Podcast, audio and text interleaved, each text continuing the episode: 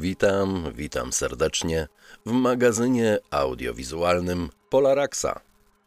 Dzisiaj chyba ostateczne rozwiązanie zagadki, która nurtuje mnie już od 17 lat i dość regularnie przedstawiam Państwu kolejne etapy jej rozwoju. W końcu dopasowałem ostatni puzzle tej składanki i dzisiaj o tym będzie audiowizualna historia. Wszystko naraz zawiera się w tytule Przygody Gilgamesza. Bo jak się okazuje, to coś więcej niż najstarszy utwór literacki na Ziemi. Ale jak zawsze, najlepiej wszystko zacząć od początku. Amerykańska inwazja Iraku w 2003 roku była z jednej strony pokazem miażdżącej siły imperium, zdolnego wysłać swoje legiony, wzorem rzymskich Cezarów, w dowolny punkt na ziemi. Z drugiej jednak strony był to pokaz chaosu, jaki powstaje, gdy zderzają się nie tylko kultury, ale polityczne interesy. Dzisiejszy Irak to starożytna kolebka naszej cywilizacji i obok Egiptu podstawowe miejsce prowadzenia badań archeologicznych i wykopalisk, które pozwalają nam zrozumieć, w jaki sposób powstała nasza cywilizacja. Amerykańska inwazja z pozoru ignorowała ten fakt, zainteresowana jedynie obaleniem dyktatora Saddama Husajna, który w oczach świata przedstawiany był jako krwiożerczy satrapa, opływający w pieniądze z ropy i w tajemnicy tajnych bunkrów ukrytych pod piaskami pustyni, budujący broń masowego rażenia. Nasza współczesna cywilizacja ustaliła, że należy dokonać takiej interwencji i nawet Lechistan wysłał do Iraku własny kontyngent. Wojna miała być prowadzona w sposób chirurgiczny i inteligentny, bo najeźdźcy podkreślali, że chcą za wszelką cenę ochronić bezcenne zabytki Sumeru, które odkrywali tam archeolodzy brytyjscy, niemieccy, francuscy i polscy. I rzeczywiście, mimo bomb i strzelanin, zabytki udało się uchronić. Te w Babilonie chronili nawet polscy żołnierze. Ale Muzeum Starożytności w Bagdadzie nie chronił w zasadzie nikt. Zawierało ono w sobie bezcenne zbiory i dziesiątki tysięcy glinianych tabliczek zapisanych pismem klinowym. I którejś nocy muzeum zostało kompletnie okradzione. Do tej historii wracam od czasu do czasu w Polaraksie, bo jest ona ważna i życie dopisuje do niej kolejne istotne treści. Intuicyjnie dało się wyczuć, że nie jest to zwykła kradzież i że w tle rozgrywa się coś znacznie ważniejszego. Informację o obrabowaniu bagdackiego muzeum jako pierwszy podał niemiecki Der Spiegel. W swojej notatce niemiecki dziennikarz podał, że ludzie w amerykańskich mundurach wynoszą z bagdackiego muzeum całe skrzynie z artefaktami. Artykuł sugerował, że złodzieje doskonale wiedzieli, co wynoszą i wiedzieli, gdzie tego szukać. We wnioskach podano, że jest to wewnętrzna robota i kradzież była na zamówienie. Artykuł nie dawał jednak odpowiedzi, czyja to była robota i na czyje zamówienie. Czy zrobili to sami Irakijczycy? A może iraccy pracownicy niemieckich i francuskich misji archeologicznych? W końcu na takich zabytkach można nieźle zarobić na czarnym rynku. Powstały teorie, że muzeum w sposób kontrolowany okradli sami Amerykanie – albo że robota została zlecona przez wywiad francuski lub niemiecki BND, który w tamtych czasach działał w Iraku z takim samym rozmachem jak wywiad polski. Można się było kompletnie zgubić w domysłach, ale jedno pozostawało pewne. Rzeczywiście była to robota na zamówienie. Ktokolwiek za tym stał, miał dostęp do wszystkiego, co było potrzebne, aby dokonać takiej operacji a najłatwiej było to zrobić agencjom wywiadowczym. Początkowo szacowano, że z muzeum zginęło ponad 170 tysięcy artefaktów. W rzeczywistości nikt nie zna pełnej ich liczby. Samych okrągłych pieczęci asyryjskich zniknęło 5 tysięcy. I już na drugi dzień armia amerykańska rozpoczęła śledztwo w tej sprawie wraz z próbą odzyskania łupów. Na czele śledztwa stanął pułkownik piechoty morskiej o swojsko brzmiącym nazwisku Matthew Bogdanos. Jak się jednak okazuje, pochodził z greckiej rodziny i napisał na ten temat książkę pod tytułem Złodzieje Bagdadu. Bogdanos nosił pseudonim Pitbull. We wczesnej młodości służył w Straży Granicznej. Był detektywem z nowojorskiego Wydziału Zabójstw i uprawiał boks. Udało mu się odzyskać 15 tysięcy artefaktów. I dużo, i mało. Nie odzyskał żadnej z cylindrycznych pieczęci i ogromnej ilości glinianych tabliczek. Można było odnieść wrażenie, że jest to wręcz część planu, bo do muzeum powróciły wspaniałe dzieła sztuki, takie jak Mona Lisa z Łarki, ale gliniane dokumenty zniknęły jak kamień w wodzie. Kiedy opowiada się o odzyskanych skarbach bagdackiego muzeum, zazwyczaj ignoruje się fakt, że tabliczek liczonych w tysiącach nadal nie ma. Wiele razy podkreślałem wagę tych tabliczek i tego, co jest na nich zapisane, przypominając historię firmy Hobby Lobby, która zakupiła na czarnym rynku kilka skrzyń tych tabliczek, płacąc handlarzom milion sześćset tysięcy dolarów. Dla Hobby Lobby tabliczek strzegła zawodowa firma ochroniarska, ale na koniec zostały one i tak przejęte przez amerykańskie władze – które wysłały komando sił specjalnych do ich odzyskania. Jest niezwykle intrygujące, że determinacja przejęcia tabliczek była tak wielka, że nie szczędzono środków, aby je przejąć. W normalnych warunkach powinna pojawić się puszysta i krzykliwa pani celniczka w mocnym makijażu, ale zamiast niej pojawił się uzbrojony po zęby SWAT team. Mimo, że ta historia nie była związana z okradzeniem irackiego muzeum, zawsze instynktownie czułem, że do niej pasuje. Że jest wiele elementów, które łączą obie te historie. Że historia Hobby Lobby daje wiele do myślenia, jeśli chcieć zrozumieć skok na muzeum w Bagdadzie w 2003 roku. Firma Hobby Lobby za próbę przemytu została ukarana grzywną w wysokości 3 milionów dolarów, a tabliczki skonfiskowano. Jedną z tabliczek kupionych nielegalnie przez firmę była część eposu Gilgamesz. Tabliczka ta nazywana jest często tabliczką snów. Na świecie istnieje 12 tabliczek, gdzie zapisane są kolejne części tego eposu. Wszystkie znaleziono w 1853 roku i dość szybko zostały przetłumaczone i opublikowane, bo w 1870 roku. Historia Gilgamesza była doskonale znana naukowcom, ale poza nimi nikt nie miał pojęcia o istnieniu tego tekstu. Dopiero kiedy fragment z Gilgamesza zacytował w serialu Star Trek komandor Jean-Luc Picard, świat rzucił się do księgarni, głodny przygód starożytnych Sumerów. Przy okazji pokazuje to potęgę popularnych mediów w kształtowaniu ludzkiej świadomości. W 2003 roku, czyli w roku, w którym obrabowano muzeum w Bagdadzie, archeolodzy ogłosili, że być może natrafili na grób Gilgamesza w Uruk. Informacja o tej sile rażenia z pewnością nadała tempa rozwojowi wydarzeń i największej kradzieży glinianych tabliczek w historii. W Uruk kopali niemieccy archeolodzy, którzy mają statystycznie zbyt dużo jak na mój gust szczęścia, w odnajdowaniu niezwykłych miejsc takich jak Troja czy Gobekli Tepe. O prawdopodobnym odkryciu grobu Gilgamesza poinformował dr York Fassbinder z uczelni w Monachium. Dla tych, którzy słyszeli o Gilgameszu, a nie znają tak naprawdę o czym jest ten epos, myślę, że to dobra okazja na takie streszczenie. Jest to historia przyjaźni dwóch zupełnie różnych od siebie ludzi króla Uruk Gilgamesza i dzikusa Enkidu. Bogowie stworzyli Enkidu po to, aby powstrzymywał króla przed arogancją, prześladowaniem i niewoleniem podległych mu ludzi.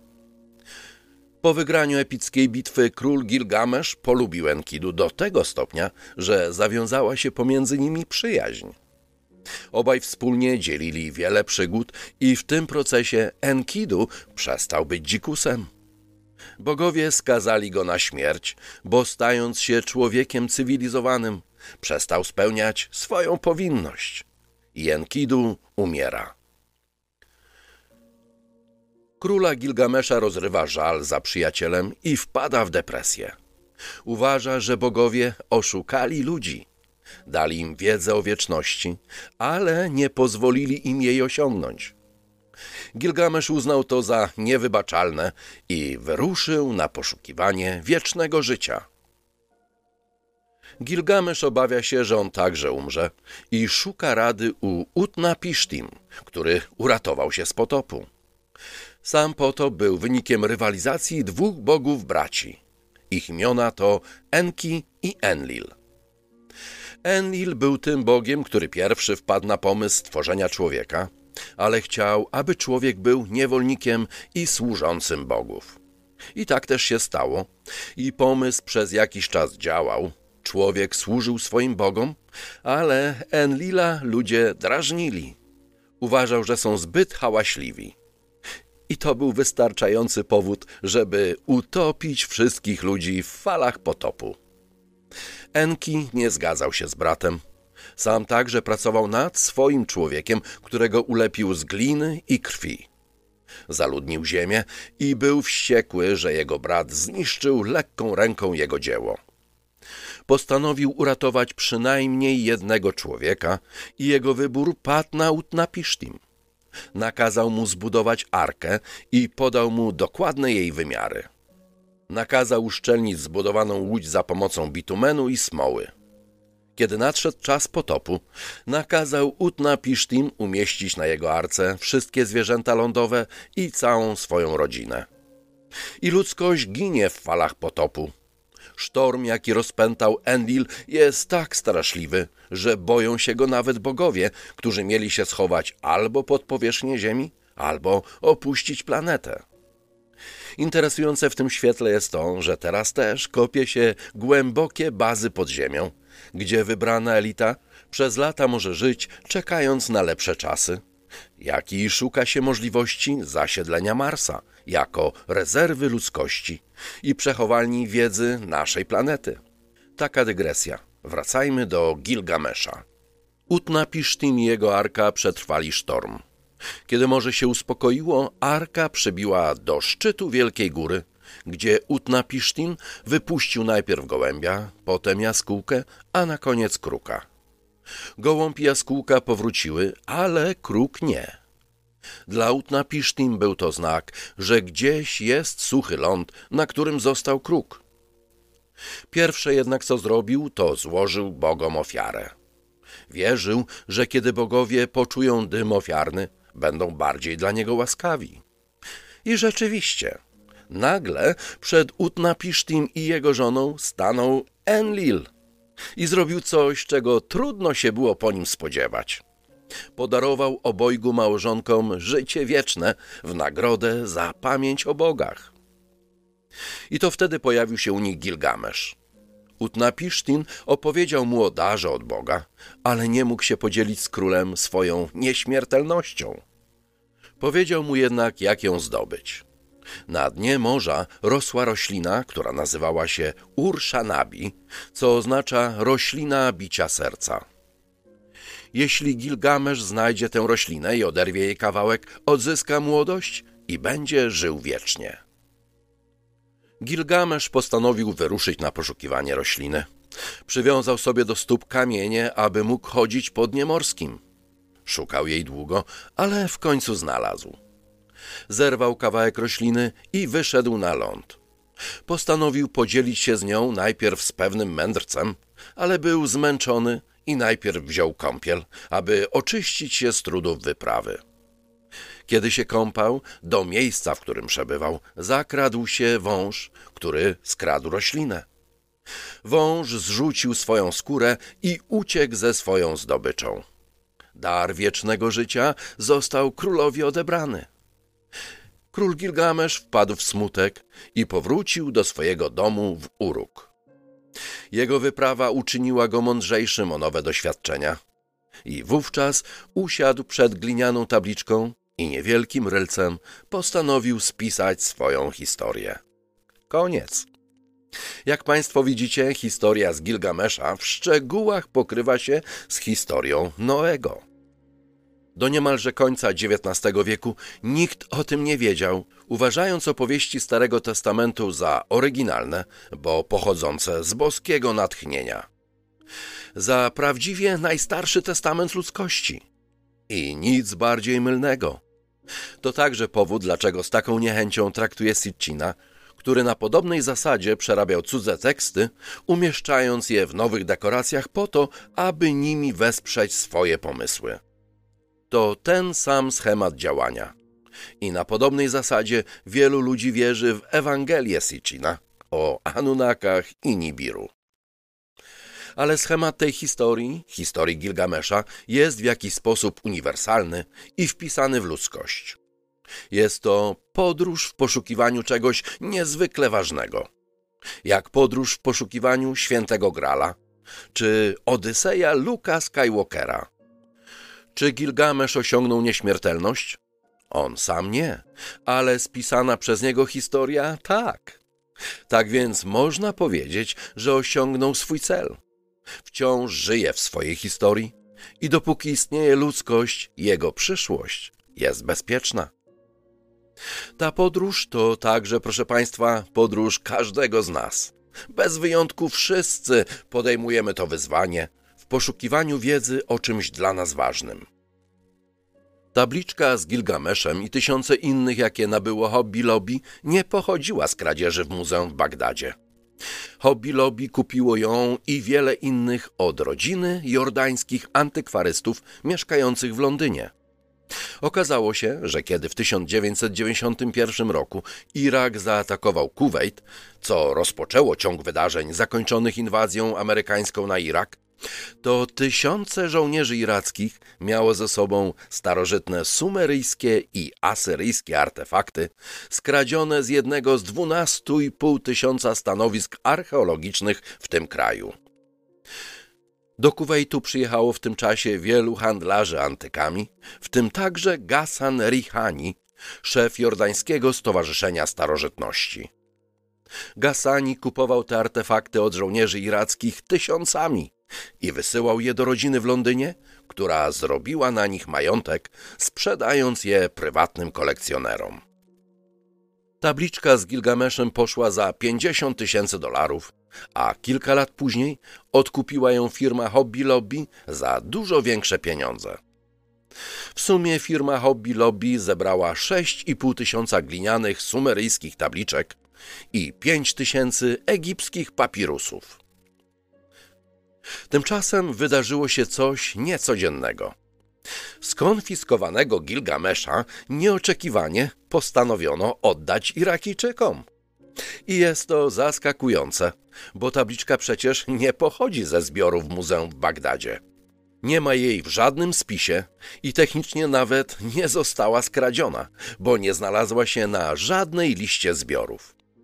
Nie było więc potrzeby zwracać czegokolwiek do Bagdadu. Chyba że, chyba że, proszę Państwa, wiele takich tabliczek wcale nie było zapisanych na listach zbiorów. I powodem jest nie tyle ich historyczna wartość i unikalność, co treści, jakie zostały na nich zapisane. George Bush głupszy być może raz jeden w życiu powiedział prawdę, mówiąc, że w Iraku znajduje się broń masowego rażenia. I być może prawdziwa broń masowego rażenia to nie jest broń nuklearna czy chemiczna, a jest opisana na glinianych tabliczkach albo na tablicach przeznaczenia, które tam mogły trafić. I przejęcie ich i zabezpieczenie było podstawowym zadaniem inwazji, a nie detronizacja Sadama. Jeśli myślicie Państwo, że może trochę przesadzam z takimi wnioskami, to jeszcze raz na chwilkę powrócę do historii Gilgamesza, którego USA oddaje do Iraku. Zainteresowało mnie to, jaka instytucja zwraca ten artefakt i wyraża zgodę na jego wysłanie do Iraku. I był to, proszę Państwa, ten moment olśnienia. Tą instytucją jest ni mniej, ni więcej jak Department of Homeland Security. Departament Bezpieczeństwa Narodowego. I jest to zaskakujące, bo co może mieć wspólnego amerykański Urząd Bezpieczeństwa z historiami spisanymi 5-6 tysięcy lat temu? Jeśli już, to powinno to być FBI, czyli Policja Federalna, a nie bezpieka. I rzeczywiście, jeśli trochę ochłonąć, to opowieść o starożytnych herosach nie ma dla tego bezpieczeństwa żadnego znaczenia. I można taką tabliczkę spokojnie oddać. Ale jeśli na innych tabliczkach opisano działanie broni z arsenału bogów, o, to już zupełnie coś innego. Spekulowałem niedawno, że ogromny sukces niemieckich naukowców i inżynierów z czasów III Rzeszy jest być może wynikiem tego, że Niemcy w tamtych czasach mieli najwybitniejszych na świecie sumerologów i asyriologów, którzy czytali tabliczkę jak my wiadomości na onecie. Organizacja Annenerbe była łącznikiem jednych z drugimi a obsesja artefaktów mocy być może nie była tylko zwykłym okultystycznym szaleństwem. Annenerbe było organizacją o potężnym, wciąż niedocenianym znaczeniu. Była pod zarządem drugiego człowieka III Rzeszy, Heinricha Himmlera, i była częścią SS. W statucie tej organizacji zapisany był obowiązek zbadania wszelkich aspektów ezoterycznej i okultystycznej tradycji w kontekście możliwości zastosowania tej wiedzy w sensie militarnym. I proszę Państwa, takie oświadczenie na dokumencie SS zapiera dech w piersiach. Oznacza bowiem, i to po raz pierwszy we współczesnej historii, że przeznacza się środki osobowe i finansowe jednej z największych ówczesnych potęg na świecie w celu odzyskania zagubionej wiedzy i starożytnej technologii. Efektem tego była eksplozja niemieckich technologii w czasach III Rzeszy. I widać to w pismach naukowych, jakie publikowali ci naukowcy, szukając rozwiązania rozmaitych problemów. I rozwiązanie przyszło ze starożytnych tekstów, jakie zebrała Annenerbe. I jest to najbardziej racjonalna droga, aby stworzyć te technologie. A technologia starożytności, technologia zaginionej cywilizacji, swoim wyrafinowaniem, nie pozostawia żadnych wątpliwości co do ogromu wiedzy, jaką posiadała. Nikt dziś nie jest w stanie zaprzeczyć, że ci, którzy budowali wielką piramidę w Gizie, posiadali głęboką wiedzę matematyczną, fizyczną i astronomiczną. Nasza cywilizacja zaczęła sobie z tego zdawać sprawę dopiero na początku XX wieku. W strukturze piramidy zakodowana jest prędkość światła, odległość Ziemi do Słońca, położenie punktu Lagrange'a pomiędzy Ziemią a Księżycem itd., tak itd. Zasady matematyki i fizyki wykorzystane w Wielkiej Piramidzie doprowadziły do rewolucji technologicznej. Perfekcja wykonania piramidy jest bliska doskonałości.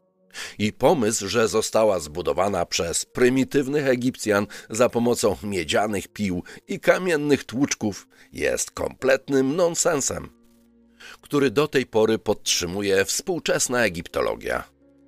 I myślę sobie nawet, że to właśnie egiptologia rozpoczęła krytyczne spojrzenie na akademicką naukę, która, jak się okazuje, wcale nie dąży do szlachetnego celu poszerzania wiedzy szeroko pojętej ludzkości. Akademicka nauka ma za zadanie kontrolować, kto ma dostęp do tej wiedzy. Precyzja wykonania piramidy sugeruje zastosowanie jakichś maszyn, których działanie nadal jest poza naszym zrozumieniem. Samo zastosowanie piramidy jest również zagadkowe. Christopher Dunn w swojej świetnej książce Elektrownia Giza stara się wykazać, że piramida była wyrafinowanym systemem produkującym energię. Problem jednak w tym, że ten wyrafinowany system wiedzy zakodowany w piramidzie jest wręcz za dobry na to, żeby tylko produkować energię. I w tym sensie piramida mogła być bronią albo częścią jakiegoś systemu o militarnym zastosowaniu. A sumeryjskie historie, a także historie z wielu innych starożytnych mitologii mówią o wojnie na niebie, o wojnie bogów, wojnie kosmicznej. Czy taka wojna w ogóle była możliwa? Poważny mainstreamowy astronom Tom Van Flandern uważał, że tak i stworzył hipotezę eksplodującej planety.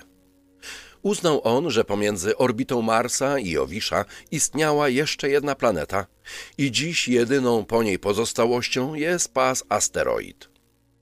Van Flandern szukał rozmaitych możliwości, w jaki sposób taka planeta mogła rozsypać się na kawałki i doszedł do wniosku, że jedynym wytłumaczeniem takiego zdarzenia byłaby czyjaś celowa akcja. I taką akcję opisuje sumeryjski epos Enuma Elish, gdzie planeta, która uległa zniszczeniu, nazywa się Tiamat. W tym schemacie Wielka Piramida byłaby gigantyczną maszyną torsyjną i mogła wziąć udział w takim zniszczeniu.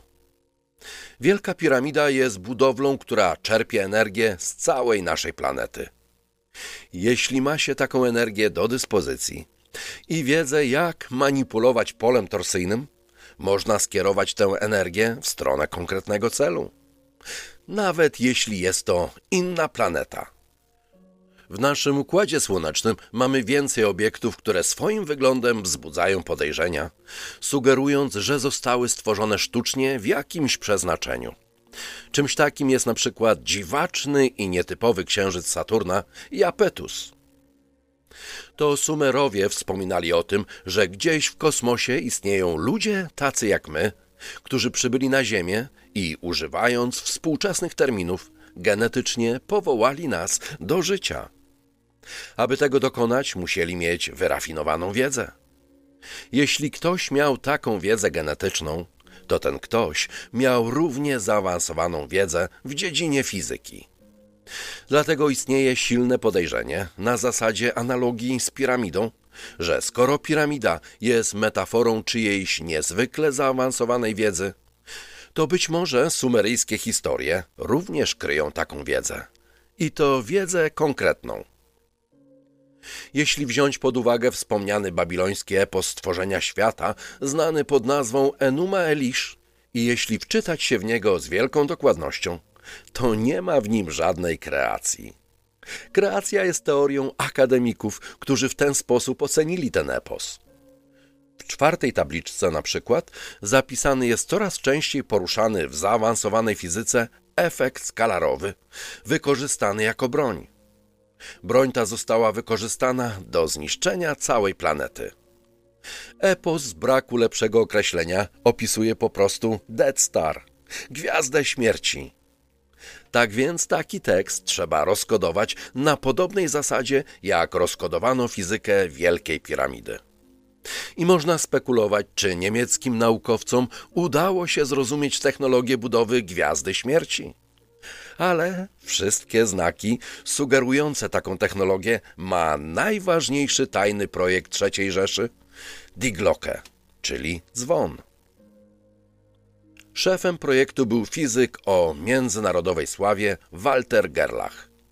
Śledząc jego prace naukowe, to pracę nad tym, co nazywamy Die Glocke, rozpoczął już w 1924 roku. Projekt swoją wagą daleko przewyższał pracę nad niemiecką bronią nuklearną. Był określany zdaniem decydujący o losach wojny.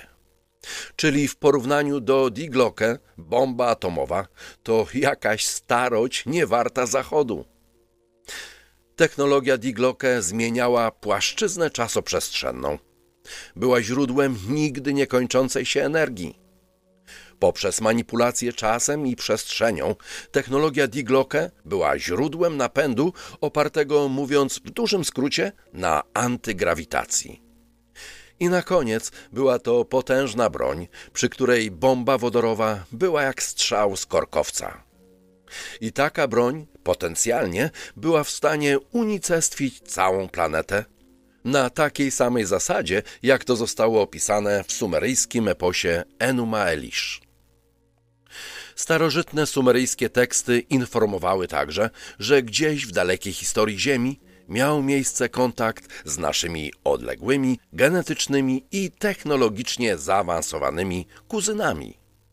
Wyglądali jak my, mówili jak my i byli od nas nie do odróżnienia. Naziści sprawdzili w praktyce, że idee zawarte w tych tekstach mają ogromną wartość pod warunkiem rozkodowania ich znaczenia. Amerykanie dość szybko zorientowali się, gdzie jest diabeł pogrzebany i nie tylko przejęli wszystkich najwartościowszych niemieckich naukowców w ramach spinacza, ale sami zorganizowali grupę specjalną znaną jako Monument Men, gdzie poszukiwanie cennych, renesansowych obrazów skradzionych przez Niemców było tylko przykrywką do zupełnie innej działalności. I dlatego Homeland Security tak na wszelki wypadek woli trzymać te tabliczki w czeluściach swoich podziemnych sejfów, nawet nie dlatego, żeby samemu je czytać, ale dlatego, żeby inni z nich czegoś nie wyczytali. Ktoś, proszę Państwa, zna prawdę i ktoś dba o to, aby nigdy nie wyszła na jaw. Dziś nie ma wątpliwości, że nazizm przetrwał wojnę. Nie zniknął wraz z jej końcem. Oficjalni zwycięzcy tej wojny w oparciu o naukowe osiągnięcia nazistów kontynuowali ich pracę, wykorzystując do tego celu wszystkie możliwe środki, jakie mieli do dyspozycji. I to nie w sensie symbolicznym, bo ludzie tacy jak von Braun, Walter Dornberger czy generał Galen stali się częścią amerykańskiej elity. Po zakończeniu wojny Niemcy mieli do swojej dyspozycji Himalaje gotówki, diamentów, złota i nowych technologii. Aby móc to wykorzystać, musieli wprowadzić to do obiegu, a jedyne domy bankowe tamtych czasów, przez które można było to przeprowadzić, działały w Londynie i Nowym Jorku. Ale to temat na osobną historię, bo dzisiejszy program zbliża się powoli do końca i jako epilog niech posłuży jeszcze jedna historia z przygód glinianych tabliczek z eposem Gilgamesza. W 2011 roku irackie Muzeum Sulajmania w miejscowości Slemani zakupiła u handlarza antykami odłamek z dwudziestoma liniami zapisanymi pismem klinowym. Zazwyczaj muzea nie handlują ze złodziejami i szmuglerami, ale ten kawałek był wyjątkowy. Tekst, jaki zawierał, to nieznana do tej pory historia, która była częścią eposu Gilgamesz. Historia należała do piątej tabliczki i została przetłumaczona w Departamencie Języków i Kultur Bliskiego i Środkowego Wschodu przy University College London.